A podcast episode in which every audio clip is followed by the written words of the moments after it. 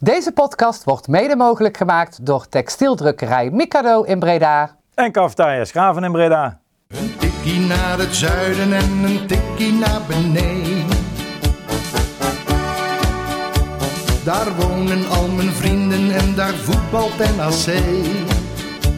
Laat nu de klok maar luiden, er is toch niks aan te doen. De B-side staat in vlammen en NAC wordt kampioen. Ja, welkom luisteraars bij een nieuwe aflevering van Een Tikkie naar het Zuiden, de podcast van B-Set Reds over NAC. En wij zijn aangekomen bij aflevering 153 op de tellers. En eh, daarvoor hebben wij eh, de grote man van de show uitgenodigd, zoals wij eh, konden lezen in de comments, Levine. Oh, ik dacht dat je niks zou zeggen. Nee, nog niet. Oh, goedenavond. Levine, je krijgt veel complimenten over dat je er weer zit, dus dat delen wij graag met jou. Ja, leuk om te lezen, toch? Ja, eh, ik moest vooral duidelijker praten eh, en jullie niet zoveel onderbreken, dus dat ga ik proberen eh, vandaag. We moeten allemaal minder binnensmonds praten. Daar kan ik wel een handje van hebben op het moment dat ik hier lekker zit te keuvelen. Yannick, ook weer bij ons aanwezig. De, het zand is net uit je oren gewassen. Ook nog, ja. En de champagne is net ontkurkt, want we mogen jou feliciteren met een Oh. nieuwe functie. Ja, nieuwe functie, nieuwe functie. Een extra opdrachtgever erbij in de vorm van Voetbal International. Dus dat is zeker leuk om te melden. En wat ga je dan doen? Eh, videoredacteur, dus echt eh, op pad met de camera. Na de wedstrijden, de persconferenties filmen. Daarna eh, met de clubwatchers een eh, update opnemen. Dat zeg maar een soort van in elkaar zit als een kleine mini-repo. Ja, dat is overdreven om het een reportage te noemen. Maar wel het makkelijkste om het zo uit te leggen. En zo zal in ieder geval het eerste half jaar eruit zien. En daarna gaan we dat eh, ongetwijfeld verder uitbreiden naar eventueel ook iets voor de camera. Krijgen wij nog een opleidingsvergoeding of niet? Moet ik even achteraan, wat daar in het, eh, in het contract staat. Ehm, Echt gefeliciteerd man, echt leuk. Ja, is absoluut, absoluut. Gelijk kritische noot natuurlijk. Je bent daar vrijdag begonnen. nee, woensdag al, hè? Dus Woensdag al zelfs. woensdag, woensdag ga ik mijn eerste klus. En ehm, ja, zaterdagochtend loopt alle spuigaten uit. schandalig. schandalige kop. VI kopte dat het allemaal eh, Peter Hiballa achter alles zat in Breda. Heb je gelijk even aan de bel getrokken bij je nieuwe werkgever? Nou, ben ik in ieder geval blij dat ik net al zei, ik word videoredacteur, dus dat ik niet achter mijn laptop een stukje stik. Maar eh, ja, dat is een schandalige kop. Ik heb niet gelijk ach- eh, aan de bel getrokken. Ik laat dat niet doen eh, na eh, drie dagen. dat je die spel gelijk bij elk duwtje dat nak, eh, eh, wat dat om nak gaat, eh, gelijk de stampij te gaan lopen maken. Maar ja, je hebt wel gelijk, het klopt eh, voor geen meter. Maar daar eh, later nog wat meer over als we het over de consequenties gaan hebben van de nieuwe wind die er in Breda is gaan waaien. Eh, heel veel gebeurd afgelopen week, maar eh, zeker niet onbenoemd laten. Denk ik het allermooiste en belangrijkste naknieuws deze week. Kwam van Ralf Seuntjes. Helemaal schoon. Grote, tot grote verrassing eigenlijk van iedereen. Ehm, ja, in, in december had natuurlijk, of november had hij nog een uitslag gekregen. Die eigenlijk niet zo hoopgevend was. Door de chemo heen leken er nieuwe plekken te zijn ontstaan. Ehm, en dat is eigenlijk eh halverwege januari in de scan bleek dat dat toch ontstekingen mogelijk waren geweest.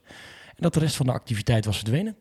En dat eh, is een eh, welkom cadeautje. Fantastisch nieuws. En het was eh, ja, zo, zulk mooi nieuws dat ik zelf eigenlijk, ik las het. En ik ben ook gelijk mijn moeder gaan bellen. Mam, mam, heb je het gelezen? Ralf Seuntjes is eh, kankervrij. En dat, ja, zo- zo'n zo'n impact had het eigenlijk toch wel op mij. Dus ik was wel echt heel blij mee natuurlijk om dat eh, te lezen. Ja, was mooi. Er werd natuurlijk even toegezongen nog eh, op de B-side, eh, zo tegen het einde van de, einde van de wedstrijd. Was jij met nou met hem aan het FaceTime? Of Ja, ik, was, eh, ja, ik belde hem even. Ja, ik had gevraagd of hij mee wilde, maar ja, hij kon geen oppas krijgen voor de kinderen. Ah. Dus eh, dan, dan houdt het op. Eh, ik dacht wel mooi als die, eh, als die meekomt, maar... dus ik dacht, bel hem even als we me toe aan het, aan het toezingen zijn. Maar eh, namens ons allen, Ralf, onwijs gefeliciteerd. En eh, ja, de blik weer op, op de toekomst. En wie weegt wel weer als, eh, als voetballer. Ja, het is mooiste wat er is. Hè. Ik denk, ik hoef jou dat niet uit te leggen. Ik denk, iedereen die wel eens eh, kanker in zijn omgeving meegemaakt heeft, weet wat de impact van die ziekte is. Dus het feit dat je daar eh, een streep onder kan zetten, dat je inderdaad echt weer je blik op de toekomst kan richten, is het eh, mooiste wat er is. Ja. Het is wel hartig gegund. En hij is volle bak weer in de gym bezig. zie ik iedere dag wel een beetje voorbij komen. Dus ziet er, eh, ziet er in dat opzicht allemaal goed uit. zou wel stunt zijn als hij nog terug kan komen als eh, voetballer. Ah ja, hij moet, ik denk, de vraag is wat realistisch is. Hè? Want hij heeft Mm. natuurlijk een half jaar eh, of zoiets echt helemaal, ja, natuurlijk is hij daar helemaal niet mee bezig geweest. Maar het, het zou voor het Maar verhaal... al, hè? Bijna, Ja, bijna een jaar Oh ja, een jaar. Nou ja, goed. Eh, eh, het zou natuurlijk voor het verhaal fantastisch zijn als hij in ieder geval één keer of twee keer, weet je wel, een hele carrière, dat geloof ik niet meer. Eh, ook omdat Nee. zijn leeftijd natuurlijk op een gegeven moment begint te tellen. Ik weet in het ieder geval zeker dat hij er alles aan gaat doen, zeg maar, om, dat, om dat te proberen. Weet je, gewoon... Nu is hij aan het trainen en als er dan gesprekken met artsen volgen, dan kan je natuurlijk daar een betere beslissing in maken. En dan, Het- het is zou- het, dan gaan ze zeggen, nou, het kan of het kan niet. En dan kan je ervoor gaan. puur als symbool, ook naar jezelf toe, eh, om er een streep onder te zetten, zou ik het fantastisch vinden als hij één keer op zijn minst nog het shirt aantrekt. Nou, ik hoop voor hem dat er nog tien jaar eh, voetbal in zit. Maar goed, ik weet niet zeker of dat realistisch is. Nee. Ik denk dat het sowieso realistisch is om ooit een keer eh, nog een wedstrijd voor het goede doel te doen. Ehm, en als een afscheidswedstrijd om dan het goede doel, het KWF bijvoorbeeld te pakken. Nou, dat, Maar dat is natuurlijk de vraag meteen. Hij heeft natuurlijk bij, bij NAC gespeeld, is daar vertrokken. En naar Japan gegaan om eh, een eh, mooi buitenlands hoofdstuk aan zijn carrière toe te voegen. Zijn jullie dan van, van de school van, goh, geef hem dan, eh, al was het inderdaad voor een, voor een wedstrijd of een maand of weet ik veel wat, een contractje. Zijn jullie, zijn jullie zo barmhartig ingesteld of zijn Ja, jullie inmiddels ik- een organisatie ik- waar de professionaliteit de boventoon voert? Maar je bedoelt een contract bij NAC dan? ja, ja, ja. Nou, hij zit nou toch gewoon in Japan, is toch ook totaal niet aan de orde. Nee, maar het is meer, Levine bedoelt het denk ik meer als stel nou dat het, dat het niet meer zou lukken om echt terug te keren op niveau. Maar hij is wel gewoon fit en je wil, nou, we, we eindigen straks eh, vijfde of zo en je, en je doet niet meer mee naar, of, eh, er komt nog Ja, een wedstrijd ja, ja. die nergens meer om gaat. Laat je, zou je hem dan nog een keer mee kunnen laten doen, zeg maar. Gewoon als, als afscheid van zijn voetbalcarrière. Ik zou niet weten waarom je dat echt in de competitiewedstrijd moet doen. Dan zou ik als club lekker meewerken aan een Heb heel je- mooi af... Heb je gezien wie we afgelopen half seizoen opgesteld hebben? dat, dat is halfstukjes echt niet de slechtste. Nee, dat snap ik. Maar eh, ik zou dan gewoon meewerken aan een heel mooi afscheid. En ik denk niet dat het werkt omdat in een laatste wedstrijd... eh, die mo- mogelijk dan nergens meer om gaat. Nou, laat ervan uitgaan dat je altijd naar de play-offs toe moet Mm. werken. En ook daarin natuurlijk meer vastigheden wil creëren. Denk ik niet dat dat geschikt is Nee. voor een wedstrijd om Ralf Seuntjes in te brengen. Oké, oké. En ik gun hem echt al het mooiste afscheid. Maar dan zou ik zeggen, doe als club een mooi werk aan dat eh, mooie afscheid. Nou, jammer. Wij wilden proberen, maar het mag niet van, eh van Yannick. Dus eh daar gaat een, Goed, gewoon op een op niveau meedraaien. Dan zal hij gewoon een transfer nog verdienen. Hè? Dat kan natuurlijk ook. Nog even een paar jaartjes eerder de vier. Ehm, de wedstrijd, jongens. NAC Jong AZ stond eh, op het programma afgelopen vrijdag. Eh, er gebeurt zoveel deze dagen bij NAC dat je af en toe even weer voor jezelf moet opschrijven wat er allemaal gebeurd is. Maar het belangrijkste is toch altijd het voetbal. Eh, en we mochten vrijdag weer naar het stadion. En voor tevoren zei ik in ieder geval tegen mijn vrienden, als we deze nou ook nog winnen, dan lijkt het of we helemaal wel gaan breken met het, met het verleden. Want alle seinen stonden eigenlijk op groen om weer een mooi resultaat te boeken.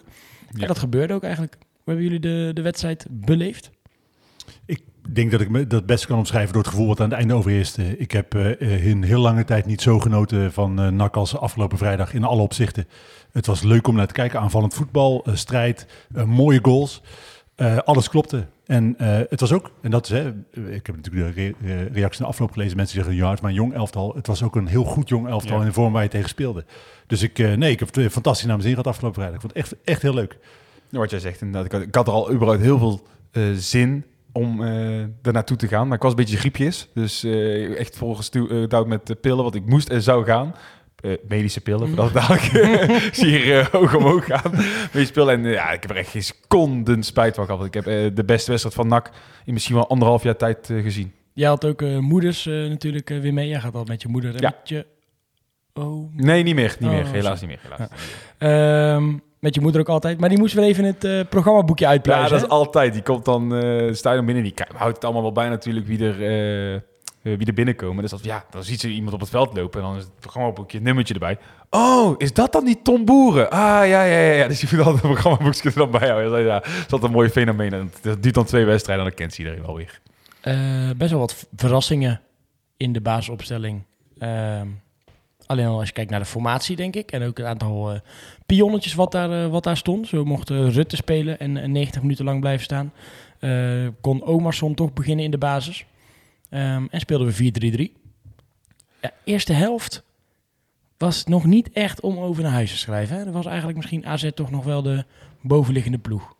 Ja, maar Ja, dat was, lag meer ook door je eigen toedoen. Dat je achterin echt de kansen best wel makkelijk weggaf op bepaalde manieren. Dat is een keertje Kortsmit die ehm, niet heel lekker ingreep, waardoor die eh rebound nog kwam die naast ging. Ja, Besseling die er twee keer onder een bal eh, doorgaat. Ja, dat was, kwam meer door je eigen toedoen dat de tactiek niet werkte in mijn ogen. Ja, plus je stond er na elf minuten voor. Dus ik denk, ja, het is natuurlijk geen nieuws dat de verdediging van NAC eh, op een aantal punten te wensen overlaat zwak is. Dus ik denk dat een tegenstander zoals Jong AZ kansen krijgt. Ja, dat verrast me ook niet. Maar ja, je hebt de nul gehouden eerste helft en stond wel voor na elf minuten. Ik denk, ik ben dat zo'n, ja, het is gewoon misschien dat scorebordjournalistiek. Maar dat voor mij wel wat telt. Nee, absoluut. Eh, Herman die eh, gaat goed door. Hè? Die jaagt eh, ja, op de brommen ging hij door. En, en hoe hij hem erin krijgt, kreeg hij hem erin. Daar ging ook wel wat foutjes aan vooraf bij, bij Jong AZ volgens mij. Maar het balletje in de touwen, hij, hij lijkt los. Hè? De ketchupfles. Ja, het is mooi om te zien. Hij, de, de klik met het publiek is natuurlijk onmiskenbaar aanwezig. En ik, we hebben dat eerder gezien bij andere voetballers. Eh, ik denk dat bij, als je de geschiedenis van NAC doorpluist, dat dat heel vaak eh, gebeurt. Van eh, Samson en eh, Gerard eh, Den Haan naar eh, Greg Lee. Er zitten heel veel spelers. Als er een klik met het publiek is, dan werkt dat gewoon. Vertrouwen doet heel veel met de mensen. En ik, eh, hij heeft overduidelijk plezier in het voetbal en dat betaalt zich uit in goals. Ik, eh, op dit moment zou ik zeggen, misschien wel een contactje geven volgend jaar. Op basis van eh, kwaliteit komt hij nog flink tekort. eh op een vergelijking met Sadiq. Maar als je die goal terug gaat kijken, die eerste goal, deed het mij heel veel denken aan die goal van Sadiq tegen Heracles in die eh, 7-1 overwinning. Echt vooral die paas eromheen, inderdaad, dat beter timen dan die verdediger. Dan zo'n frommelgoaltje, eh, hoe die bal erin ging. Ja, want hoe hij wegloopt bij die verdediger, dat doet natuurlijk wel heel slim door even in te houden en dan weer achterlangs te kruisen in plaats van eh er dwars doorheen te willen. Absoluut, ja. Dat, dat, dat is Daarmee wel- maak je het doelpunt Het eigenlijk. is niet dat hij helemaal niks kan eh, wat dat betreft. Maar het is wel een beetje een cultheldje aan het eh, worden. Het verschil met de eerste seizoen zelfs is natuurlijk ook heel groot, hè? want daar bakt hij er echt geen pepernoot van. Dat, eh, dat is dan toch, hè? Ton Lokhoff zat toen ook op de bank. Blijkbaar is het dan toch anders als, eh, eh, als, hij, als hij eindverantwoordelijke eh, is. Of in ieder geval geweest is natuurlijk in die paar wedstrijden. Dat, dat heeft dan toch heel veel met hem gedaan. Ik vind dat bijzonder om te zien. Want hij, hij is natuurlijk- hij is natuurlijk niet opeens een betere voetballer geworden. Nee. Nee, dat, nee. je kan niet in zo'n korte tijd Nee. iets, eh, iets bij geleerd hebben. Ik vond eigenlijk dat we de... Ja, het klinkt heel gek, omdat het ook natuurlijk zo gebeurd is, maar ehm, eigenlijk win je die wedstrijd gewoon in die laatste, of die eerste 10 minuten na de rust. Daar vond ik Ja. NAC echt goed spelen. Eh krijg ze natuurlijk heel snel die penalty. Bleef ze wel de druk erop houden. En zoveel dat er uiteindelijk ook nog een rode kaart werd geforceerd bij, eh, bij Jong AZ. Maar zeker dat eerste, die eerste 10 minuten, het eerste kwartiertje in de rust, vond ik NAC gewoon echt heel goed eigenlijk. Voor hetgeen wat we hebben gezien Z- tot Zei, nu toe eh, dit de, seizoen. zei de trainer ook na afloop, want toen zag je, in, vooral in de tweede helft, maar ik denk dat je dan inderdaad ook die eerste 10 minuten er goed uit kan pakken. Toen zag je ook die gegenpressing, in ieder geval wat hij die week op getraind heeft, zag je eh, eigenlijk in de praktijk tot zijn recht komen. Ja, en dan lijkt voetbal toch best wel simpel, hè? Ja, als je, ja, maar als je die tweede helft ziet, ik denk, oké, dit kan dus blijkbaar al de hele tijd. Met, wel, op, hè, we hebben natuurlijk wel jonge eh, nieuwe spelers erbij. Mhm. Omerson speelde, vond ik een beetje onopvallend. Eh Wernersson die natuurlijk invalt, Boeren die invalt. Dat zijn natuurlijk eh, eh, wel andere spelers dan je in het eerste seizoen zelf tot je beschikking had. Maar dit voetbalidee had je toch eerder moeten kunnen doen, zou je Het zeggen. begint, het begint natuurlijk ook bij inzet. En eh, is, voor mij zou ik, ook als persoonlijk zou kijken, denk ik dat ik eerder door het vuur ga door iemand die langs de zijlijn mij op staat te peppen dan een dorpspastoor als eh, molenaar die eigenlijk ja, weinig eh, beleving heeft. Dat was ook wat ik me na afloop eh, wel als, als een van de eerste dingen bedacht. Het, het scheelt echt wel ongelooflijk als er een karakter langs de lijn staat. Een club als NAC heeft dat blijkbaar nodig. Zo'n dode lul als molenaar, met alle respect, alhoewel. Ja, Wat heeft het nog voor zin als je dat net gezegd hebt? dat had ik dus ook. Maar dat Met alle respect, ik vind je een dode lul. Ja, sorry. Dat, eh, nee, maar goed, er is natuurlijk wel een wereld van verschil. En ik merk zelf ook, ik, ik heb dat ook nodig. Een, eh, een trainer die er een beetje om geeft. Ja, je gaat daar dan toch naar kijken en dan zie je hem echt volgens mij na, vijf of zes minuten of zo. Oh. Dacht ik, doe even, gooi even een blik op de zijlijn en toen zag ik hem alweer helemaal in het uiterste hoekje van het, eh, van het vak waar hij dan in mag staan richting de cornervlag. Daar stond hij alweer te coachen en te doen en te wijzen. Ik heb op een gegeven moment een sprintje zien trekken. Toen veroverde hem NAC de bal. En dat was een beetje aan het begin van zijn coachingsvak. En weet, die bal wordt gepaast. Hij, hij sprint gewoon op de snelheid van die bal. Springt hij die bal achterna. Alsof hij, hij die bal nog moet halen daar voor, die achter, voor de achterlijn. Dat was echt, echt fantastisch als je het zag. Ja, dat is goed om, eh, goed om te zien. Blijkbaar is hij ook nog op zijn, eh, op zijn rug gelegen omdat hij weg was gegleden of zo eh, Goed nog gehoord, na ja. de 4-0. eh. Ja, was ook een onderwerp van gesprek natuurlijk bij eh, dat interview met eh ESPN na afloop. Ik vond het niet zo'n heel sterk interview, moet ik eerlijk zeggen. Het was een beetje zoeken naar eh, de spanning eh, bij hem. sensatie. En hij deed, dat vond ik wel, hè, dat, misschien dat we daar nog uitgebreider over hebben. Eh, dat vond ik wel goed wat hij daar deed. Hij, eh, ook direct na de wedstrijd natuurlijk eh, naar binnen. Eh, gewoon, hij wil zelf niet in de spotlight staan. En eh, dat, dat viel mij in positieve zin. Maar ook bij dat interview met ESPN was hij heel erg ingetogen, heel rustig. Eh, alle aandacht voor de spelers, niet voor hemzelf. Dat eh, vond ik wel sterk, moet ik zeggen. Ja, ook voorafgaand vond ik dat wel heel sterk. Toen waren ze natuurlijk ook al eh, langs geweest op, eh op Zundert. Ja, dan kreeg hij ook volgens mij een vraag van... ja, wil je dan nieuwe spelers erbij en voor welke positie? Ja, toen reageerde hij ook al heel scherp. Zei hij, nou, dat is eh, Peter Maas. eh, in februari moet je hem vragen. Ja, had ik goed geleerd, hè? Dat, dat vingertjes goed, dan, wijzen naar, naar die verslaggever. Maar ja, er staat gewoon wel echt een heel ander iemand op het veld dan, dan Mona. Je ziet hem gewoon in de warming-up met dat jasje. En dan staat hij tussen die spelers. En dan staat hij alles eens te bekijken hoe het allemaal gaat. Ja, daar, daar krijg je toch meer energie van. Ja, en hij heeft een goed voetbalidee. Want ik heb in eh, die, met name die tweede helft, waar het zo lekker liep, natuurlijk veel meer van een voetbalidee gezien dan in de eerste seizoen zelf onder Mola. Ik wist aan, in de winststop, begin van de winststop, niet wat zijn eh, idee was. Echt niet. Nee. Eh, tactisch is hij ook nog eh, eh, bezig geweest, tweede helft, door eh, wat omzettingen te doen. Wat wissels natuurlijk. Ja, over die tactiek vind ik wel opvallend. Eh, als je ook de beginopstelling kijkt. Hadden jullie 4-3-3 verwacht? En hoe, dat allemaal, hoe de poppetjes stonden op dat moment? Nee, ik vond het een gedurfde keuze, omdat we hebben natuurlijk gezien wat, dat de defensieve problemen bij NAC aanzienlijk zijn. En dat je ja, niet voor niets Coach Lokhoff voor, voor vijf verdedigers achterop. Ik denk, oké, best wel gewaagd dat je daar meteen van afstapt. Maar het kan blijkbaar. Maar vooral ook de Omerson op linksbuiten, Herman op rechtsbuiten. Dat vond ik ook wel opvallende keuzes. Nou, ik vond eh, Herman op een beetje een vrije rol vanaf rechts eh, het wel goed doen. Eerder ook. Ik, ik snap wel dat Eerder ook, ja? Nee, maar ik snap dat je hem daar neerzet. Ik bedoel, je kan, je kan hem in die rol laten spelen. Als je hem gewoon ruimte geeft naar de, met de blik op de goal. Dat, dat snap ik wel. En Omerson, ja, daar kan ik nog niet voldoende van zeggen om te Hmm. zien wat nou zijn beste positie is. Maar dat snapte ik ook wel. En volgens op, voor- op voorhand, eh, sorry, eh, laatste ding op voorhand vond ik het echt opvallend. Ja, achteraf, winnende trainer heeft altijd gelijk. eh, maar ik vond op voorhand echt wel, denk, hmm, zijn dit dan de juiste naam op de juiste plek? Nou, op voorhand had ik dus volgens mij gelezen dat, dat het idee sowieso is dat dat geen hele traditionele buitenspelers zijn. Hè? Die gasten die, die hebben inderdaad, wat Levine zegt, een beetje een vrije rol. Die mogen wat naar binnen komen. En dat zie je natuurlijk later ook gebeuren. Ja, er is meer ruimte omdat de AZ een rode kaart heeft gekregen. Ehm, maar Wernersson die daar aan die zijkant eh, voorzetten kan gaan geven. Agogiel die daar heel veel ruimte krijgt. Aan de andere kant natuurlijk met Lucassen die bijvoorbeeld op kan stomen. Ja. Ehm, die overigens in de rust eh, gewisseld heeft met plek van, eh, Ja. van Rutte. Eh, zou Lucas het doorgeefluik zijn eh, van de trainer dat hij daarom aan die kant moest staan? Of eh, zou hij in de eerste helft iets hebben gezien op snelheid? Ik denk dat het vooral te maken had met de directe tegenstander van elkaar, zeg, zeg maar. En in de eerste helft, moet ik even goed graven, was voor mij Lucas die best wel een pittige directe tegenstander had. En daar, dat hij iets meer opkwam, liep hij ook meer achter die donkere jongen, mag je dat tegenwoordig nog zeggen? Dat- dat mag, ja zeker. donkere, donkere jongen aan, omdat hij wat meer snelheid had. En Rutte bleef iets meer eh, achter zijn tegenstander. Dus ze zullen misschien omgewisseld hebben, zodat ze meer eh, ja, hun directe tegenstander in toom konden houden. Ja, achteraf was na de, toen uh, jongens er met 10 man kwam te staan, eh, was dat ook eh, allemaal niet meer nodig. Maar dat was voor mij het idee erachter. Net voor de rust gaat, eh, gaat Van der Zanden er geblesseerd uit. Ja, Gebeurde voor de B-side. Dat zag er niet goed uit, hè? Nee, hij baalde als een stekker. aan. Als een, eh, alles wat hij uitstraalde bleek dat het niet goed zat. Eh, en hij snapte, dat heeft hij natuurlijk ook na afloop gezegd, eh, hij snapte natuurlijk ook wel dat dit het aller, aller slechtste moment is om eh, geblesseerd te raken als een nieuwe trainer gestart is met een heleboel nieuwe aanvallers in eh, zijn achterzak. Toch bizar, hè? Want als, je, als ik tegen jou had gezegd een week geleden, mm, Van der Zanden gaat zijn baasplek verliezen, wat had je dan gezegd?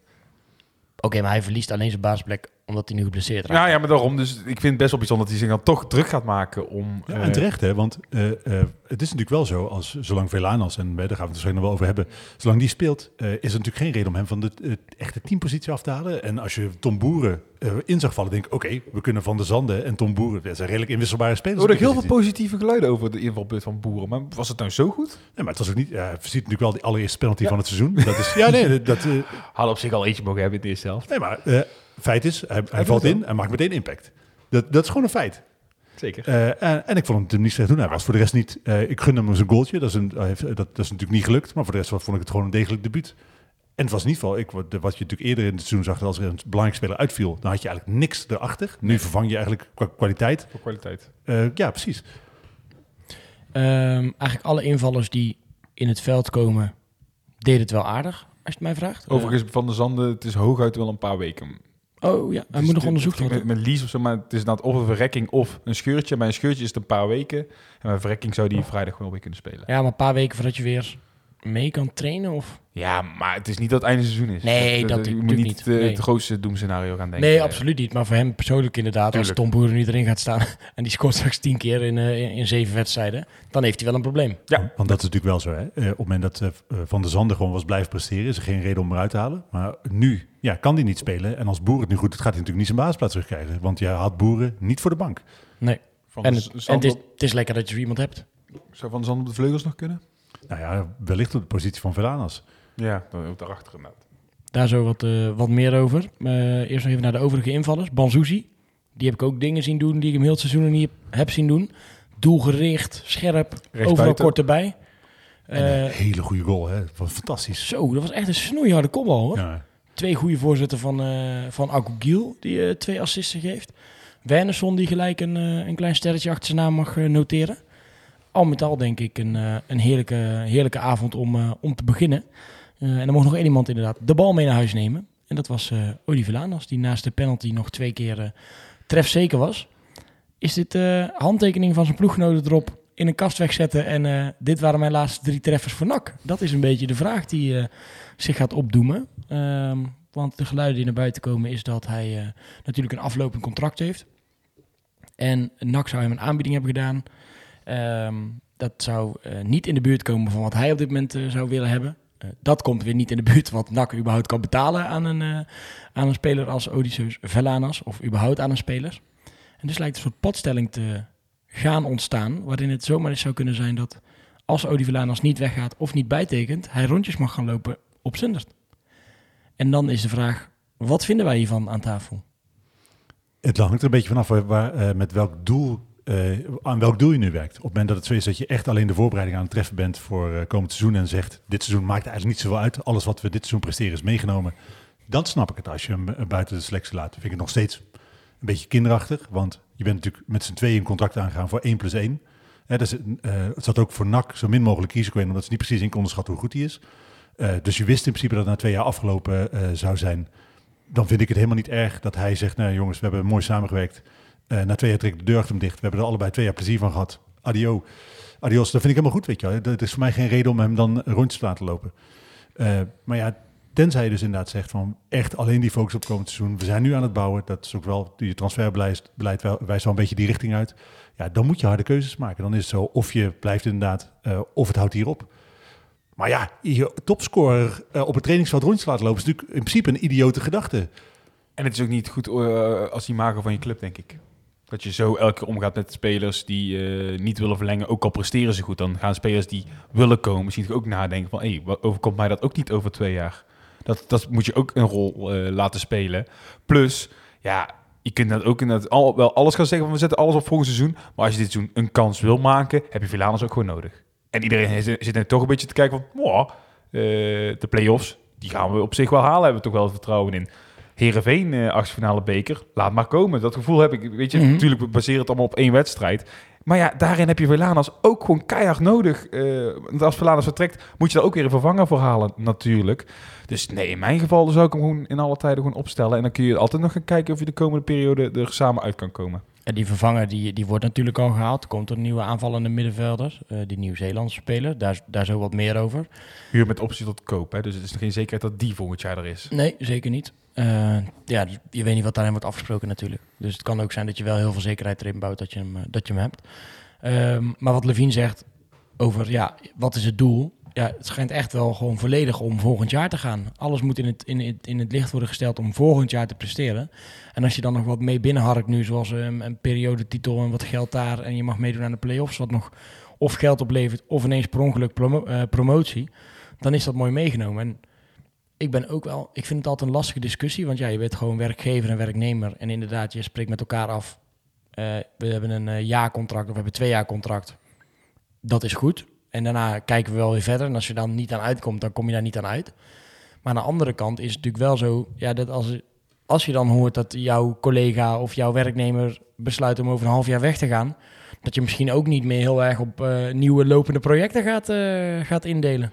Nee, maar en je moet ook kijken, als je dan Velanas niet meer laat opstelt, moet je Veldhuis ook niet meer op gaan stellen. Dan moet je eh, Rutte ook niet meer op gaan stellen. Dan moet je echt alleen... Ja, McNulty, dan moet je echt, dan moet je ook echt één lijn trekken en echt nog maar met een selectie spelen waarvan je 100% zeker weet dat die er volgend jaar ook zijn. Nou ja, het gaat dan wel natuurlijk om, ehm, heb je überhaupt mogelijk vervangers voor op die positie? Marijn is er voor Veldhuis. Ja. Voor, Nou. Rut, voor heb je, ja, Wernersson komt er nu dan aan, bij spreken. Dus je moet kijken, heb je vervangers inderdaad, maar eh, je moet dan ook gewoon één lijn trekken, anders is het echt heel vreemd.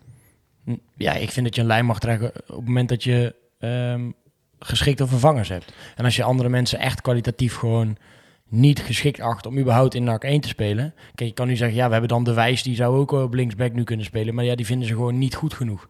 Eh, je hebt Reinissen misschien op die plek, maar als ze die gewoon ook voor volgend jaar niet goed genoeg vinden, waarom zou je dat dan doen? Ja, maar, Maar als je die- Moreno Rutte gaat toch geen nieuw contract krijgen? Daar was ook al lang duidelijk dat hij eh, eh, voor komend jaar niet speelt. En die stel je wel gewoon op. Je krijgt een basisplaats. Dus ja, maar denk- wie had je daar nu anders neer moeten zetten? Ze hebben daar toch al een vervanger voor gehaald. Ja, maar ik, snap- ik snap wel wat Janiek zegt. Hè. Dan, eh, Nee, ik snap ook wel dat je niks zegt. Ik bedoel, Het is zo van, eh, het perspectief van de club is, is, is, leidend als je dan zegt, ja oké, als, als jij niet bij wilt tekenen, dan mag jij niet spelen. Maar als wij jou niet willen verlengen, ja, dan stellen we je prima op. Dat is natuurlijk gewoon oneerlijk. En ik denk, als je, eh, met welke blik kijk je dan inderdaad? En als je zegt, ja goed, we hebben achterin problemen. Dan, dan, als je tien aanvallers kan halen, ja, dan kun je ook wel vijf verdedigers halen. Ja. En wa- wat levert je op om die jongen dan rondjes te laten, een half jaar lang rondjes te laten lopen op een trainingsveld, terwijl het je beste speler is? Eh, denk je dan echt dat je door hem zo onder druk te zetten dat hij dan alsnog zijn contract verlengt? Ja, ik ben er ook heel simpel in. Als hij niet wil verlengen, is dat zo goed recht wat Levine al zei. Eh, je, dankjewel voor de afgelopen twee jaar. Je hebt prima gepresteerd. Eh, maar profiteer gewoon komend half jaar nog van zijn kwaliteiten. En het is ook niet zo dat de eerste spelers die transfervrij bij NAC vertrekt. Hè? Er zijn zat spelers geweest die transfervrij de overstap naar een grotere club gemaakt hebben. omdat ze niet bij wilden tekenen. En die ook gewoon hun wedstrijden gespeeld hebben. Dus ik vind, ik snap ergens wel dat je nu beleid wil gaan voeren. Maar is dit dan het beste voorbeeld om te beginnen? Eh overigens, ik heb vaak zat gezegd dat ik uh, Velaans geen nieuw contract zou geven. omdat ik niet vond dat hij niet leverde. Eh, ze hebben blijkbaar op de juiste knop gedrukt. Eh, als hij deze vorm vasthoudt, vijf goals in de laatste vier, eh, vier wedstrijden en twee assists. Ja, dan is er geen enkele reden om hem niet op te stellen. En om het cirkeltje rond te maken, ik begon met het verhaal ook van imago, eh, dat spelers dan misschien twijfelen om te komen naar NAC. Ja, je hebt ook juist je eh, aan positief imago werken door Verlaners op te blijven stellen. Nou, oké, dan gaat hij misschien transfervrij, maar maakt hij een mooie transfer naar, nou, maar noemen ze een club, Heerenveen, Groningen. Groningen is Groningen niet meer hè? Nee, maar even, maakt hij een mooie transfer naar de Eredivisie. Ja, dan kun je wel laten zien, hey, kijk eens jongens, Haai is bij ons naar Heerenveen gegaan, Velanus is vanuit ons naar een mooie club in de Eredivisie gegaan. Zo kun je het ook eh, verkopen naar andere spelers toe, die je eventueel nog aan wil trekken in de zomer of in de eh, nabije toekomst. En nogmaals, hij doet de club niks tekort, hè? Want NAC heeft hem zelf een heel kort contract gegeven. Maar waar alle risico's in principe bij hem lagen met 1 plus 1. Want op het moment dat hij het eerste jaar niet gepresteerd had, was hij transfervrij geweest. Stel de telefoon gaat nu over bij Peter Maas en dan biedt een club eh, een ton eh, of anderhalve ton voor hem. Strek erom. Meteen verkopen. Dan zou ik het wel doen, ja. Gewoon voor elk bedrag wat je binnen kan harken. Ja, elk bedrag is natuurlijk... Maar is die nee, natuurlijk niet geen 10.000, maar is het, Nee. als hij met 50.000, 75.000, is dat, dat is Iets ook gewoon meer, een, iets een meer. goede Als je anderhalf ton of eh, twee ton zou kunnen Ja, krijgen, dat. dan moet je meteen verkopen. Dan is het gewoon een mooie deal geweest. Heb je de winst opgemaakt. Eh, is het voor, je- gaat lo- door de voordeur naar buiten als topscorer. Helemaal prima. Moet je het gewoon doen. Dat is eh, ook mijn uh, inzicht. Maar ik vind dat je, het is ook niet eerlijk naar hem toe, vind ik, als je hem nu kapot maakt. Omdat hij wel gewoon zijn werk gedaan heeft. En hij, vorig seizoen heeft hij een op eh stat, statistieken goed seizoen gedraaid. Dit seizoen, eh, nou ja, lastig begin, maar inmiddels is hij op, op stoom. Ja, hij heeft het niet verkeerd gedaan, vind ik. Of hij uiteindelijk een eh, eh, echte speler voor de middenmoot van de Eredivisie is, of de subtop, dat weet ik niet zo goed. Maar dat mag hij zelf uit gaan vogelen. Ik heb eh, drie of vier weken geleden zat ik hier ook. En toen zei hij, hij lijkt het wel verleerd het voetballen, maar hij is aardig op stoom sinds, sinds dat moment. En eh, voor hem misschien ook wel eh, lekker dat er gewoon wat andere spelers om hem heen staan inmiddels. Dat hij niet meer eh, alles zelf hoeft te creëren. Want Ik ben wel benieuwd wat voor club er voor hem gaat komen en of dat dan daadwerkelijk een verbetering is dan, dan het NAC van volgend seizoen. Al- Als je nu kijkt naar onderkant Eredivisie, ik denk eh, een club als RKC wellicht zo'n soort club. Gewoon niet zo'n hele grote club, die eh, niet, eh, een beetje zo tussen de twaalfde en de vijftiende plek zoiets. Ik Ja, maar denk, moet je daarheen willen dan als Verlanas? waarom niet? Dat is toch Eredivisie? Ja, heeft- maar je spreekt, speelt wel degradatievoetbal. ja, maar hij is voor, nu 24, hij wordt 25. Eh, hij heeft nog nooit Eredivisie gevoetbald. Ik denk dat de kans om Eredivisie te voetballen moet hij meteen met beide handen aangrijpen. Ook al speel je degradatievoetbal, want dan kan je namelijk altijd nog in de top van de KKD terecht. Dat is waar. En Ja. financieel gezien ben je transfervrij. eh, kan je gewoon meer salaris krijgen of in ieder geval een mooie tekenbonus. Die ze niet aan eh, een transfersom hoeven uit te geven. NAC heeft in ieder geval een eh, behoorlijk blik met de spelers opengetrokken deze week. Dat begon natuurlijk al voor de wedstrijd met, met Tom Boeren. Dat hadden we eigenlijk allemaal niet zien aankomen, denk ik. Hè? Nee, nee, ik niet in ieder geval. We wisten wel dat er natuurlijk nog flink wat aanvallende versterkingen aan zaten te komen. Maar dat het in de vorm van Tom Boeren zou zijn, was nog nergens bekend geworden, had ik het idee. Nee, ik was ook heel verrast. Ik eh, vind het wel een, eh, een goede aankoop, denk ik. Eh, maar ik had hem niet verwacht. Ook omdat je voor het beeld misschien wat wij hadden. Ja, we hebben daar toch Jort van der Zanden gewoon al staan. Moet je dan, is dat dan de positie waar je waar je, je moet versterken? Ja, vooral ook omdat je er niks achter had. Maar ik had op een gegeven moment wel ook zoiets van... Ik wist niet dat Omerson toen... Toen wist ik nog niet dat Omerson op linksbuiten ging spelen. Toen wist ik ook nog niet dat Herman op rechtsbuiten ging spelen. Je had toch wel een beetje idee van... In, eh, qua spitspositie zitten we wel wel gebakken. Maar ja, niet als je zo gaat spelen. Dan hou je bij, achter Van Zanden nog niks over. En dan is het een meer dan logische aankoop. Want ik weet niet wie dat ooit een keer gezegd heeft. Maar hebben meerdere mensen dat wel eens een keer gezegd. In de KKD is het ook heel simpel. Je moet doelpunten tellen. Ja, en die, die heb je nu wel binnengehaald met Omerson. Van, de, ja, van Zanden heb je al binnen. En eh, Tom Boeren, die zijn bij elkaar wel goed voor ieder dubbele cijfers. En ja, gaan ze daar maar optellen. Die heb je wel nodig om bij de bovenste twee te eindigen. Ja, een soort oude voetbalwet, hè? dat doelpunten tellen. En dat hebben we de afgelopen jaren misschien wel gedaan. Maar dan ja, had ik aan mijn ene handje genoeg. Want eh, zoveel, ja, zoveel spelers eh, die in de dubbele cijfers eindigden, dat hadden we nooit. Ehm, net is ook bekend geworden, vlak voor onze opnames, dat Adam Kait, Kait heeft getekend voor 2,5 jaar. Oh, mijn hoofd zei kajet, maar dat zal wel, dat wel niet goed zijn. Idee. K-A-I-E-D. Ja, geen Eh, idee hoe je het uitspreekt. niet. Dat gaan we vanzelf eh, horen. Voor 2,5 jaar getekend. Jonge Zweedse buitenspeler. eh, die, 2,5 met nog zelfs een optie erbij. Ja, met nog een optie voor nog een seizoen. Linksbuiten die eh, eh, met zijn rechtervoet graag naar binnen komt. En eh, we kunnen al wel stellen, het mooiste kapsel van de KKD heeft. Zeker, zeker. Kajet de Roy, hè? Eh, in principe dezelfde speler. Linksbuiten, ja. Kan je het er rooien? Ja, het is een eh, in principe eh, kan, eh, is een directe concurrent natuurlijk voor de Roy. Waarmee voor mij ook wel duidelijk is Ja. dat, dat zijn eh, eh, verhaal bij NAC wel eindig is. Ik heb het idee dat eh, als net eh, het puntje Verlaans afsluit, inderdaad, dat eerder de Roy rondjes om het veld mag gaan lopen de komend half jaar dan eh, dat... eh, Hij is alleen geblesseerd, dus hij hoeft ja, niet, nou hij dan hoeft niet te lopen. Als ze terug zou komen Ja. bij spreken. Ehm, wat is jullie gedachten bij zo'n zo'n speler die binnenkomt? Hier zien we denk ik wel echt de hand van Peter Maas aan het werken. Spelen voor de toekomst, hè? Dat is eh, overduidelijk. Het is eh, een van de doelen van eh NAC en van iedere club, denk ik, om eh, waarde op het veld eh, te creëren. Nou, dan helpen jonge spelers die nog niet eh, doorgebroken zijn echt en bij jou eh, hun talenten laten zien. Dat is natuurlijk de makkelijkste manier om eh, geld te verdienen. Eh, spelers zelf beter maken. En dat, in dat licht moet je denk ik deze aankoop zien. Hij heeft eh, nog niet een heel indrukwekkend eh, cv, ook geen slecht cv, maar hij... eh, 20 jaar, iets meer dan 40 wedstrijden op de teller eh, als het gaat om seniorenvoetbal. Ja. Eh, Jeugd International in, eh, in Zweden. En, het is eh, uiteindelijk gewoon slim inderdaad voorsorterend ook op volgend jaar op spelers die vertrekken. Nou, een de Roy die gaat absoluut niet verlengen. Zelfs vernomen dat hij eh, al genoemd wordt bij Helmond Sport, dat daar al allerlei gesprekken gaande zijn, dat hij daar een transfervrij overstap naar maakt. Eh, maar dat zie je inderdaad bij meerdere eh, goed geleide clubs, dat ze dan van die jongere spelers halen. Dan geven ze het eerste half jaar de tijd om echt even te wennen aan de speelstijl, aan de club, aan de stad. Nou, de stad komen zo meteen denk ik wel even op. Eh, en dan volgend jaar de vruchten ervan afwerpen. Je ziet dat bijvoorbeeld bij clubs als AZ, die doen het ook heel vaak. Die halen dan al een speler en dan mogen ze het eerste half jaar wennen. Je ziet dat nou een beetje, eh, als ik dan één voorbeeld mag uitpakken, is die Michailovic, die nummer 10 die ze gehaald hebben uit de MLS. Ja, we weten al, komende zomer zal Dani de Wit waarschijnlijk wel gaan vertrekken. Ja. Ja, dan gaan wij nu eh, alvast Michailovic soms even minuutjes laten brengen. Nou, iets vaker dan gedacht, want hij is geblesseerd, ga ik Dani de Wit dan. Maar eh, zo, zulk beleid zit daar wel achter. je kan in ieder geval wel raden welke wedstrijd Peter Maas gezien heeft. Ja, jij eh, stuurde dat door in onze groepsapp. Dus één wedstrijd waarin Victor Wernersson assist heeft gegeven op... Ja, eh, ze hebben, eh eh, Kayet heeft net zoals, of Kayit, Ja. dus even open nog Adam. uitspreekt. Adam, laten we daarbij houden, die heeft eh, één wedstrijd eh, samen met uh, Wernersson eh, gespeeld voor Zwek gaan. Drie wedstrijden voor Stabek, waar eh eh, Wernersson natuurlijk ook op huurbasis gespeeld heeft. En in die wedstrijd tegen Mjundalen, eh, goal van eh Wernersson eh, na een assist van eh, Adam. Dus eh, Ah. Ja, dan kan je wel raden, wie eh, dacht Peter Maas, misschien dat er wel een idee is, die combinatie op links. Ja, die videoband heeft hij eh, grijs gedraaid. Ehm, hij was al even te vinden in het, uh, het Kielegat, hè? Bij het Klunen. Adam... Uh, ik was blij dat hij niet het karakter van Levine heeft, want dan was hij denk ik gillend uh, terug naar, uh, naar Zweden gegaan. hij kon het wel wel waarderen.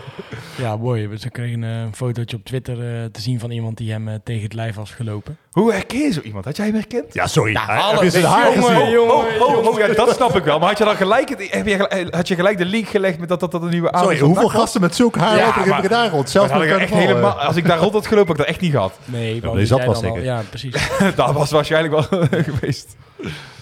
Nee, die- herken je wel hoor. En eh, als je dan zelf een paar pilsjes op hebt, dan stap je daar natuurlijk wel wat makkelijker op. Ja, eh, dat op wel. Nee, dat, dat snap ik, maar ik weet niet. Ik weet niet Plus, hij zal er ook een beetje onwennig uit zijn ogen gekeken hebben en gedacht hebben, wat de fuck gebeurt hier? Ja, dat deed ik al zeker. Ja, dat, dat, dat vind ik misschien wel. Ik was gisteren ook Klunen. Dat vind ik het mooiste fenomeen aan Klunen. Is dat dat niet zo groot en bekend is natuurlijk als carnaval. Dus net wat kleiner. Maar op het moment dat dan die dagjesmensen Ja. zo de markt opkomen lopen. Ik denk, wat de fuck gebeurt hier allemaal? Dat vind ik echt altijd eh, schitterend om te zien. Een beetje van die vergistoeristen met, eh, met Koningsdag, weet je wel. Die nog steeds op de dertigste naar, eh, naar de hoofdstad, hoofdstad gaan. De volgende aanwinst staat ook al in de startblokken. Een Nieuw-Zeelander, Matthew Garbett. Ehm, speelt nu bij Turijn. 20 jaar. Aanvallende middenvelder. Ja.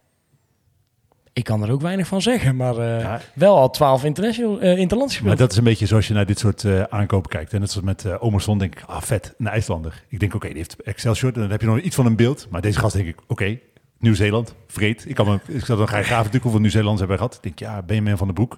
Maar dat is niet echt een Nieuw-Zeelander. Die heeft natuurlijk wel in het, in het land gespeeld voor Nieuw-Zeeland. Dus het is een echte, ik denk, vet. Ja, cool. Maar voor de rest, ja, misschien dat je wat YouTube-video's kan kijken. Maar je hebt natuurlijk geen flauw idee of hij er iets van kan of niet. Ik ook niet. Echt, ik kan er geen zinnig woord over zeggen. Dan kan ik sowieso niet snel over iets, maar... Toen zijn naam eh, opkwam, eh, zeiden mensen, ja, gaat het dan om huur en dat willen we toch niet en eh, wat moeten we daarmee?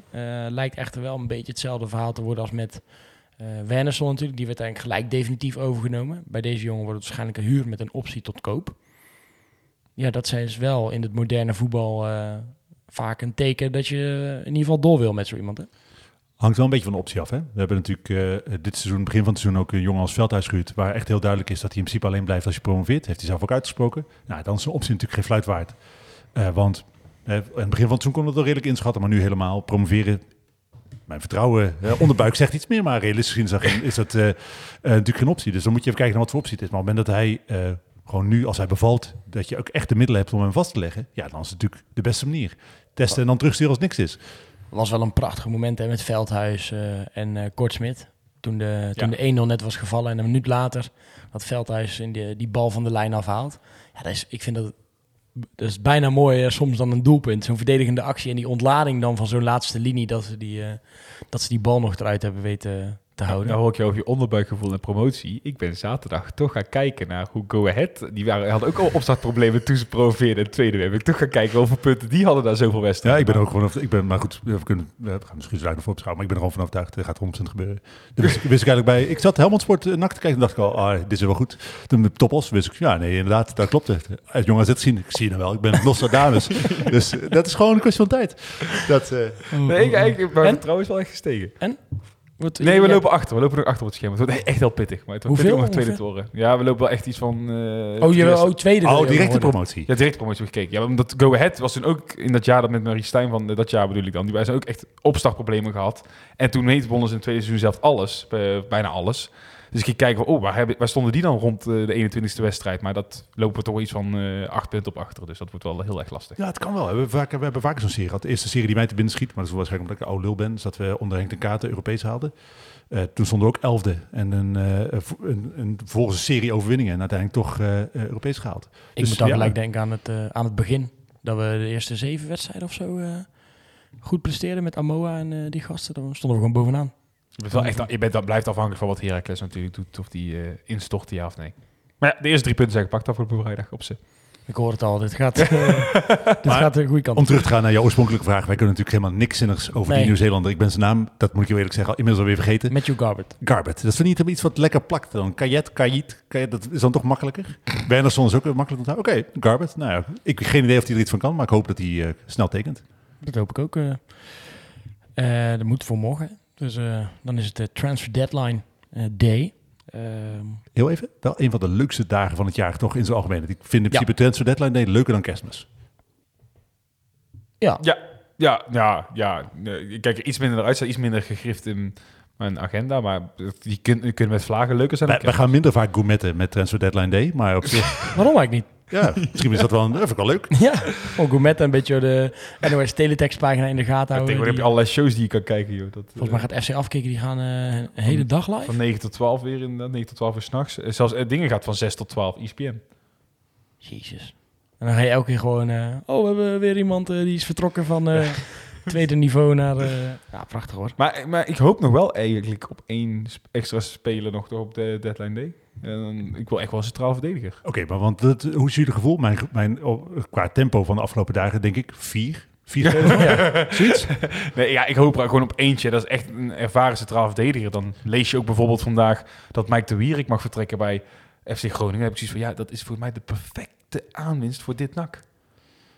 Ja, buiten het feit dat hij stijf onderaan staat met FC Groningen in de eerste. Ja, maar ik denk dat daar niemand het mee kan redden, om dat zo maar te zeggen. Maar Mike de Wierik is wel zo'n iemand die ervaring brengt, die achterin die wat meer rust kan brengen. En zeker voor het niveau eerste divisie toch meer dan prima is. Toch precies, in ieder geval het prototype dat je nog nodig hebt achterin. En dat, ja, daar hoef je in ieder geval niet door met Besselink en Veldhuis. Met alle respect, ik ben daar niet overtuigd van dat Ja, we daarmee gaan promoveren. Dat is natuurlijk wel zo, hè? Je moet daar inderdaad wel iets doen nog. Eh, dus dan zou zo'n eh, nou ja, zo'n aankoop voor de toekomst, als die Garbage prima, maar dan verwacht ik inderdaad nog wel één of twee eh, verdedigers. Ja, één verdediger zou ik ook heel prettig vinden. Begrijp dat dat niet Nee. heel erg voor de hand ligt dat dat nog gaat gebeuren. Maar ook Maar dat is toch echt, maar heel even, dat is toch raar transferbeleid. Als je wel geld hebt voor eh, aanvallers waar je nu nog niks aan hebt, eh, waarom heb je dan geen geld voor verdedigers waar je direct iets aan hebt? Eh, of verdedigers waar je nu nog niks aan hebt, maar die ook kunnen door kunnen groeien. Want je kan natuurlijk, alle, met alle respect voor de jongens die er nu spelen, ja, ik weet niet zeker of hun top gauw in de Eredivisie gaat liggen. Dat kan natuurlijk wel. Je, je weet no- nooit hoe een speler zich ontwikkelt, maar dat is niet waar ze nu tegenaan schurken. Dus je moet daar toch iets doen als je volgend jaar een kampioenselftal neer wil zetten.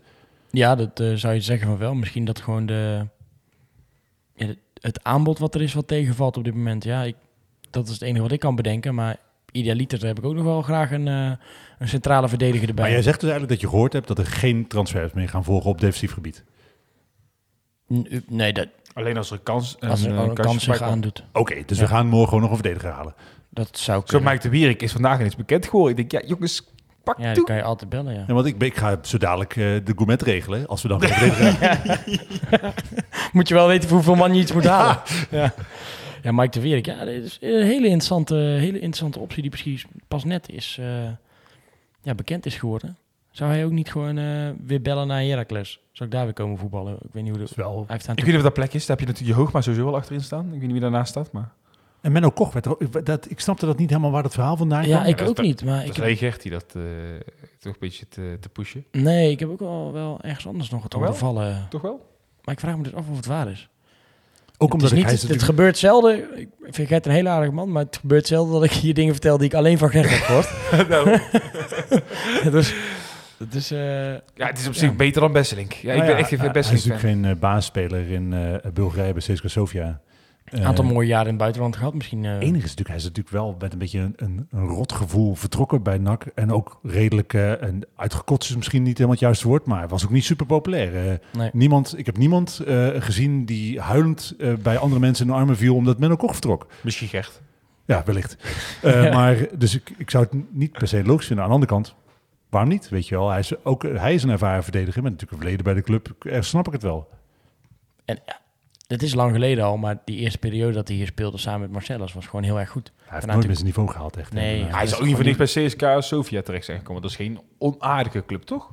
nee, oké. Maar hij is ook niet voor niets daar geen baasspeler. Inmiddels niet, nee. 28 pas, hè, eigenlijk. Ja, Oh, bizar, hè? echt? Serieus? Ja. Oh, die ook wel iets ouder inderdaad. Ik zat. Wie weet dat, dat, eh, dat er nog een eh, konijn uit de hoge, hoge hoed komt op dat gebied. Laat ik in ieder geval zeggen dat ik teleurgesteld ben als we geen verdediger halen. Dat kan ik alvast maar even, even een duidelijke streep in het zand zetten. Maar jij bent, jij, jij bent toch juist wel... eh, voor jou is het toch prima, want jij vindt 6-5 en zo, dat vind je toch allemaal prima? Nee, maar jullie niet. Ik, ik vind het feit dat we goals gekocht hebben een supergoed idee. Omdat Mhm. ik, eh, ik kijk liever inderdaad naar een 6-5 dan een 1-0.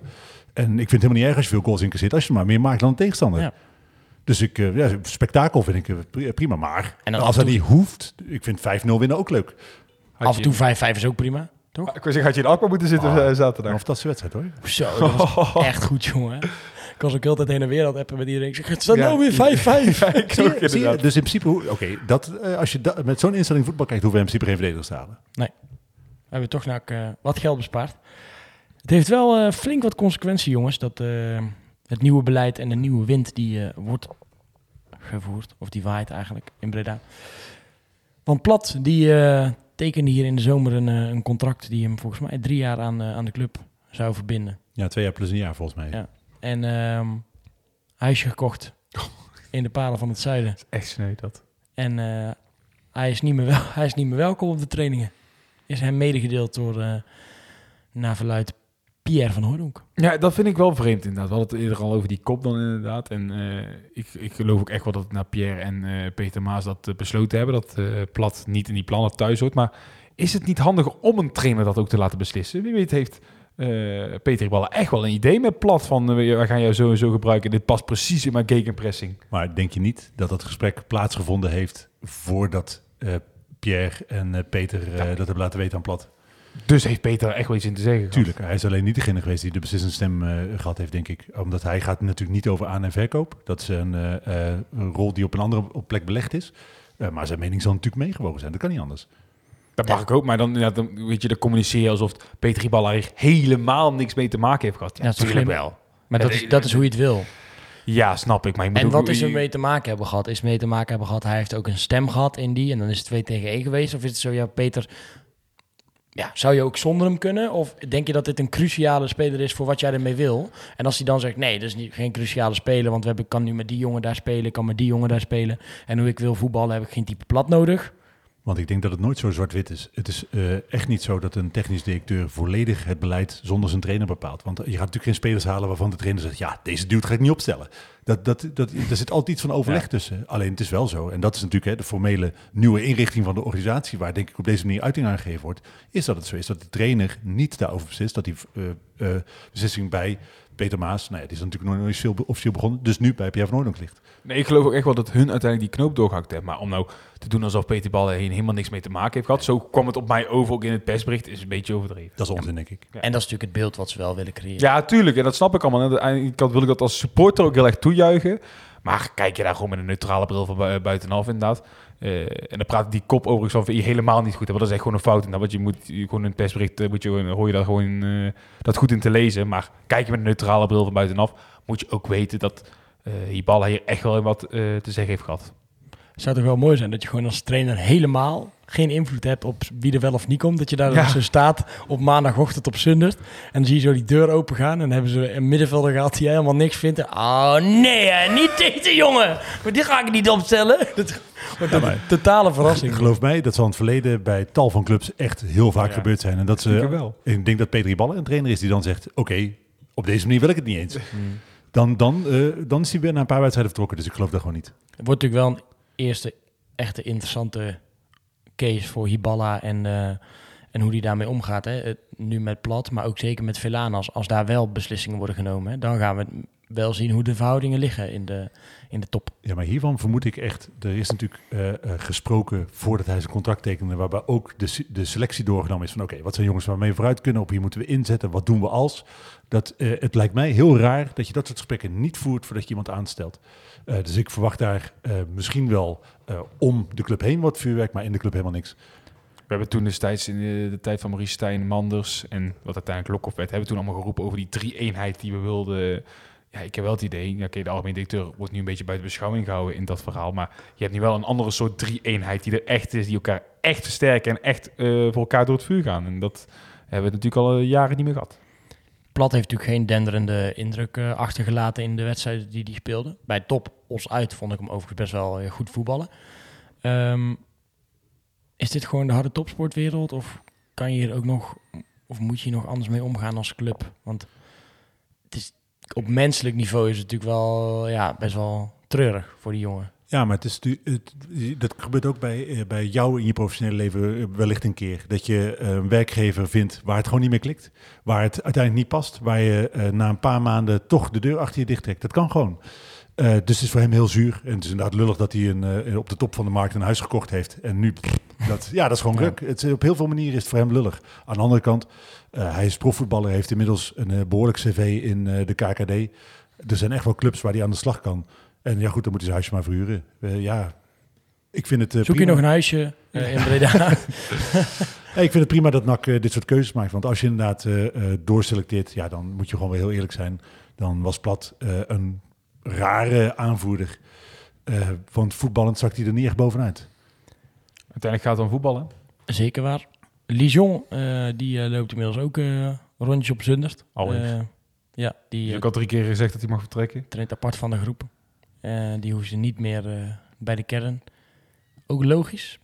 Ja, eh, ook logisch, omdat als je puur naar prestaties kijkt, dan heeft hij het niet waargemaakt. Eh voor hem natuurlijk wel lullig. Hij heeft in ieder geval zijn eigen persoonlijke succes gehad met die goal tegen Willem II. Heeft hij denk ik eh, laten zien dat eh, hij nooit eh, echt afgeschreven kan worden. Dus hij heeft in ieder geval voor zichzelf iets bewezen. Maar het boek bij NAC is wel dicht natuurlijk. Het enige wat ik me wel afvraag, wie zit er nu achter Boyd Lucas als die geblesseerd eh, raakt? Eh, de, een van die verdedigers die we morgen aan gaan trekken. Dat komt. Moreno Rutte. Ja, maar die is ook, die is ook de bekker voor links. Ja, maar je hoeft er maar één tegelijk uit te halen. Joh. Nee, McNulty is natuurlijk ook nog een serieuze optie voor linksback. Ja, dat werd gezegd. Ja, ja klopt. nou, dan kom ik toch terug op eh, die eerdere discussie. We hoeven die niet opnieuw te doen. Maar Mag nog wel iets bij. Ja. Ja. Ehm, en ook voor een aantal jeugdspelers heeft het nog eh, consequenties. Brand, Kotzebu, De Wijs, Kosia. Jetro zijn allemaal teruggezet naar, eh, naar onder 21. eh, waarbij het voor sommige gasten denk ik ook wel echt einde verhaal gaat zijn bij, bij NAC. Het contract van Jetro Massa loopt natuurlijk af. Ja, Kozia ook. Ja, ook. Die gaan ze natuurlijk niet verlengen. Nee, Ik ben heel benieuwd dat dat soort gasten terecht gaan komen. Ben ik heel benieuwd naar. Je ziet inderdaad ook, ja, komen daar bij de ex-NAC uit, waar allemaal sommigen Mm. terechtkomen. Echt benieuwd of voor hun nog een plekje is in het eh, betaald voetbal. Ik denk, eh, net zoals Richelo Sprangers, dat het eh, goed kan dat ze nog een eh, profclub vinden. Eh, en dat het daar of aanhaken of afhaken wordt. En dan kan het goed zijn dat je binnen, Dordrecht. ja, dat je binnen een paar jaar bij Kruisland of iets dergelijks er nu, speelt. eh, eh, en ik denk voor Cozier weet ik het niet zo goed. Want ik, ik, ik heb altijd, nou, ik heb daar andere dingen in gezien dan de technische mensen bij eh, NAC. Het is misschien toch maar goed dat ik het technisch beleid niet voer. Eh, maar ik heb wel het gevoel dat daar iets uit te halen moet zijn. Bij Mazart eh, betwijfel ik oh, inmiddels of hij het eh, niveau heeft. Kotzebue die mocht, nog, eh, die mocht nog invallen vrijdag. Die heeft na afloop van de wedstrijd te horen gekregen dat hij terug wordt gezet. Ja, die heeft natuurlijk ook geen contract gehad nog in, in Breda. Dat, daar was iedereen altijd best wel verbaasd over. Voornamelijk ook omdat zijn collega Koosja er wel eentje had. Ehm, te wisselvallig zou de beredenering zijn. Ja, en hij heeft toch ook een beetje met zijn fitheid geworsteld. Ja.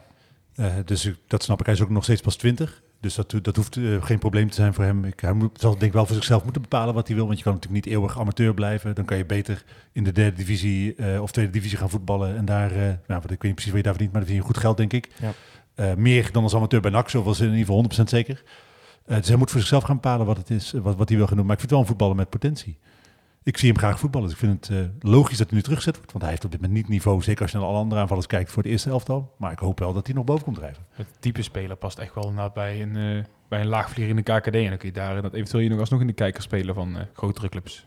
En wat jij vorige week hier met het eh, interview wat die ballen eerder had gegeven. Zo'n kleine kern, aangevuld met een paar jeugdspelers. En dan heb je op dit moment gewoon te veel, eh, te veel spelers daar rondlopen, denk ik. Om je te kunnen focussen op het beter maken van die kern die er is. En heel eerlijk, het is natuurlijk ook zo dat als je eh, in onder normale omstandigheden zouden jongens als Brand eh, en De Wijs nooit bij het eerste elftal hebben gezeten. Eh, ze hebben misschien wel de potentie om daar te komen. En ik hoop dat nu ze eraan geroken hebben, dat ze sneller de overstap gaan maken naar het eerste elftal. Maar het zijn natuurlijk echt nog jeugdspelers.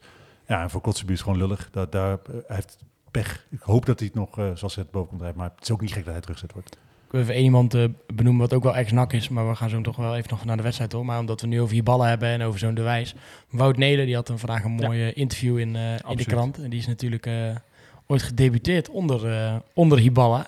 Maar die zit inmiddels in de, in de schoolbanken en vindt hij prima. En die voetbalt lekker in de derde divisie zijn, zijn wedstrijdjes. Eh, maar zo snel kan het dus ook gaan. Hè? In het, eh, van, van je debuut maken naar, eh, naar gewoon weer student. Ja, maar hij is een voorbeeld van keuzes maken in je leven. eh, de balans opmaken en realistisch kijken naar wat je mogelijkheden zijn. En wat wat, je belangrijk vindt. Ja, natuurlijk. Vrijdag jongens is het weer eh, tijd voor een, eh, voor een wedstrijdje. Eh ADO-NAC. Eh, helaas geen uitpubliek aanwezig. Doodzonde. Ik was achter elkaar naartoe gegaan. Ik ook. Echt, had ik echt zin in gehad. Ik ook. Ja, wij gaan, eh, wij gaan wel. We gaan eh wat interviews maken. Lang Leuk. geleden, maar ja, we doen het weer goed, dus dan gaan wij, hè? Ja.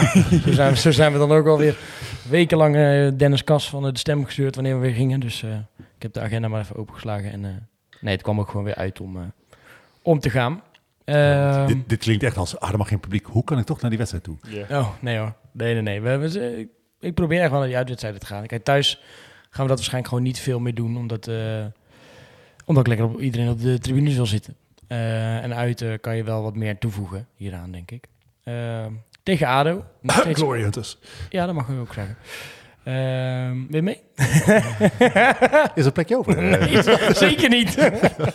Ehm, hoop dat het uitgezonden wordt. Maar ik had een beetje het programma gekeken. Het zag er wel naar uit dat NAC eh, denk ik uitgezonden gaat worden. Ja, maar dat zat er wel. Dit is Ja, een, eh, het zijn hopen. grote clubs en er is geen uitpubliek welkom. Dat lijkt me ook inderdaad. En, eh, ik was echt- als je het programma gaat kijken vrijdag, nou, dan schakel ik je afzetten. Want er is echt geen bal aan. En ik weet ook niet of ze voor de winterstop...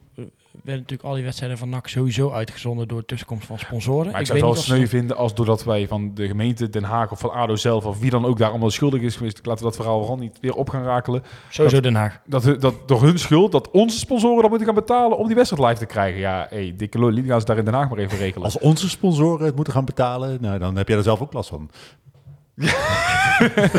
dan eet ik morgen terug brood. Er moeten heel, nog heel, wat- heel wat Breda-truien verkocht worden... Ja, voordat dat ik- eh Moeders een wedstrijdje kan uitzenden. Mikado in Breda, Nieuwe Haagdijk. Ja, ja, precies. dan wil ik die wedstrijd zien ook vrijdag. Hè?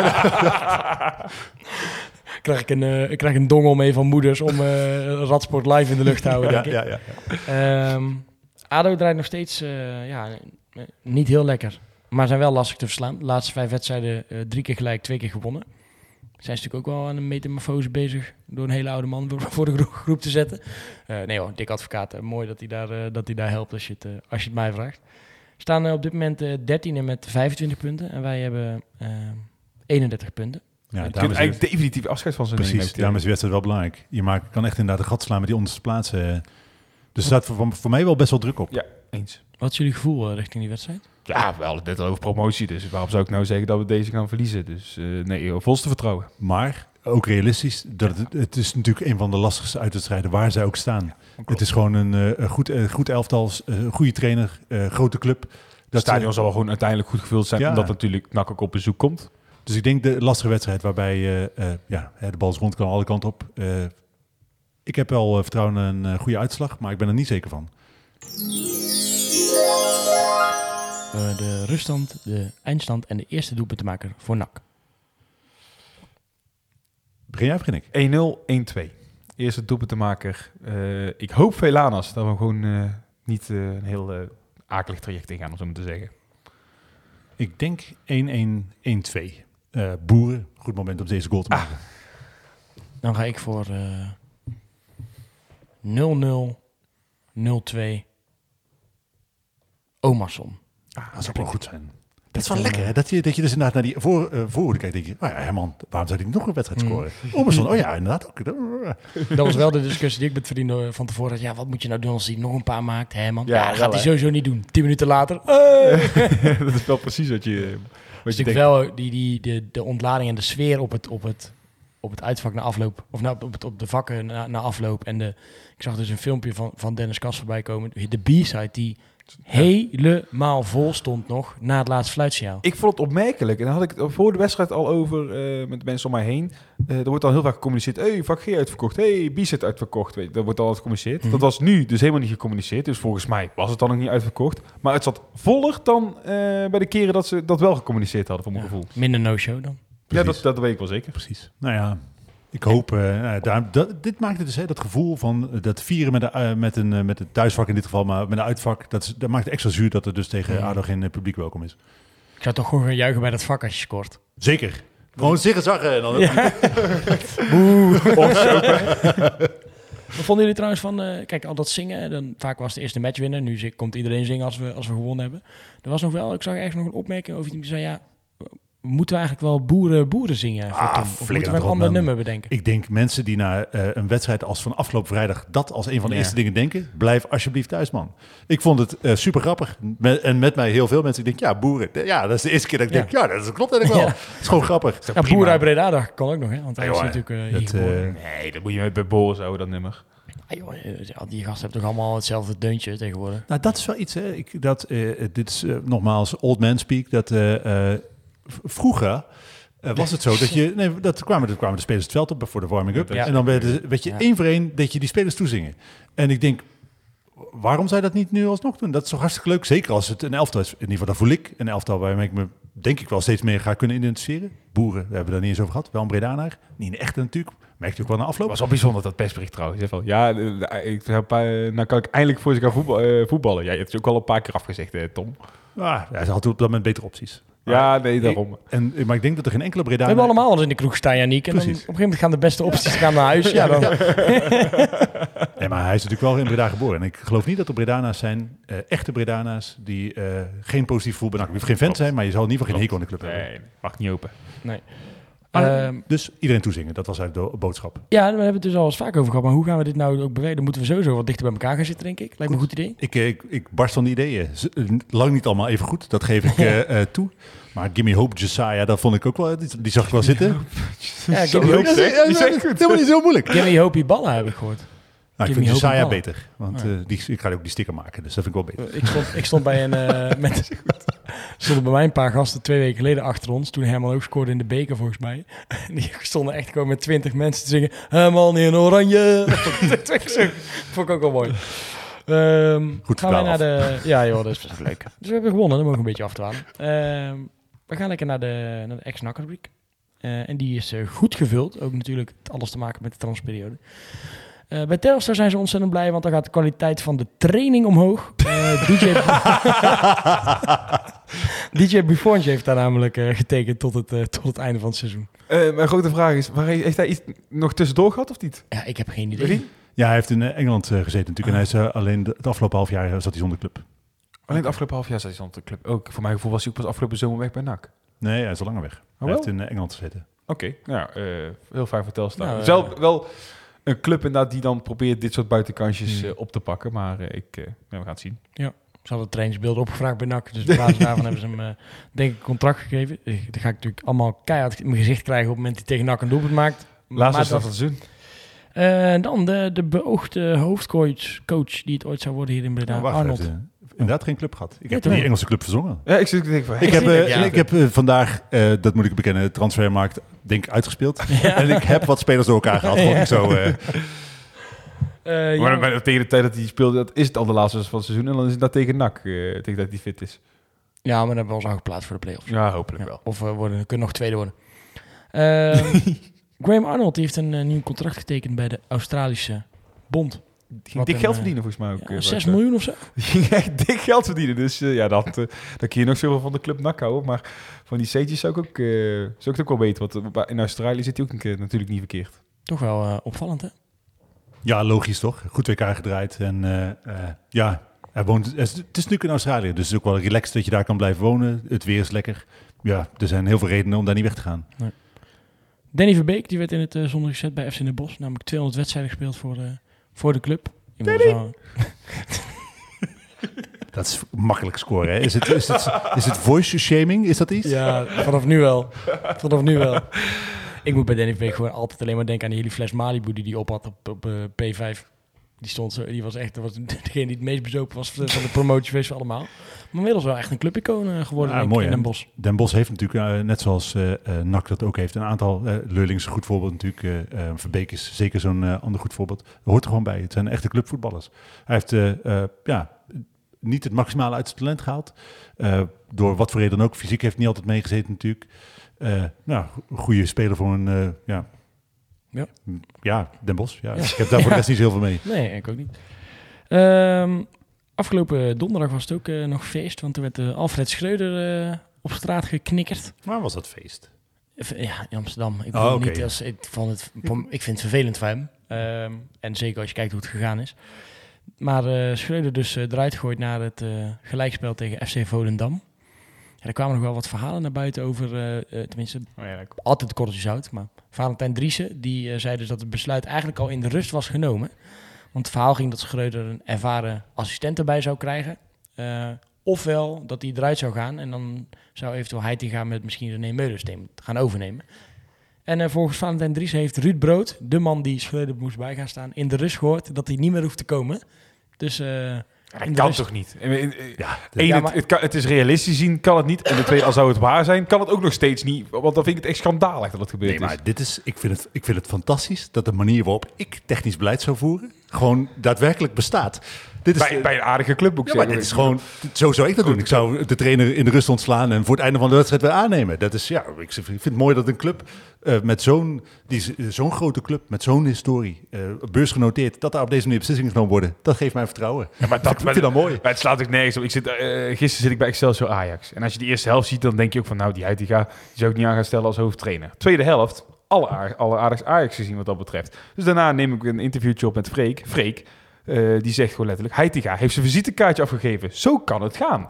Ik denk, ja, dan ga je toch niet in een rust... waarin in een tweede helft kun je heel Volendam wegtikken en een show weggeven.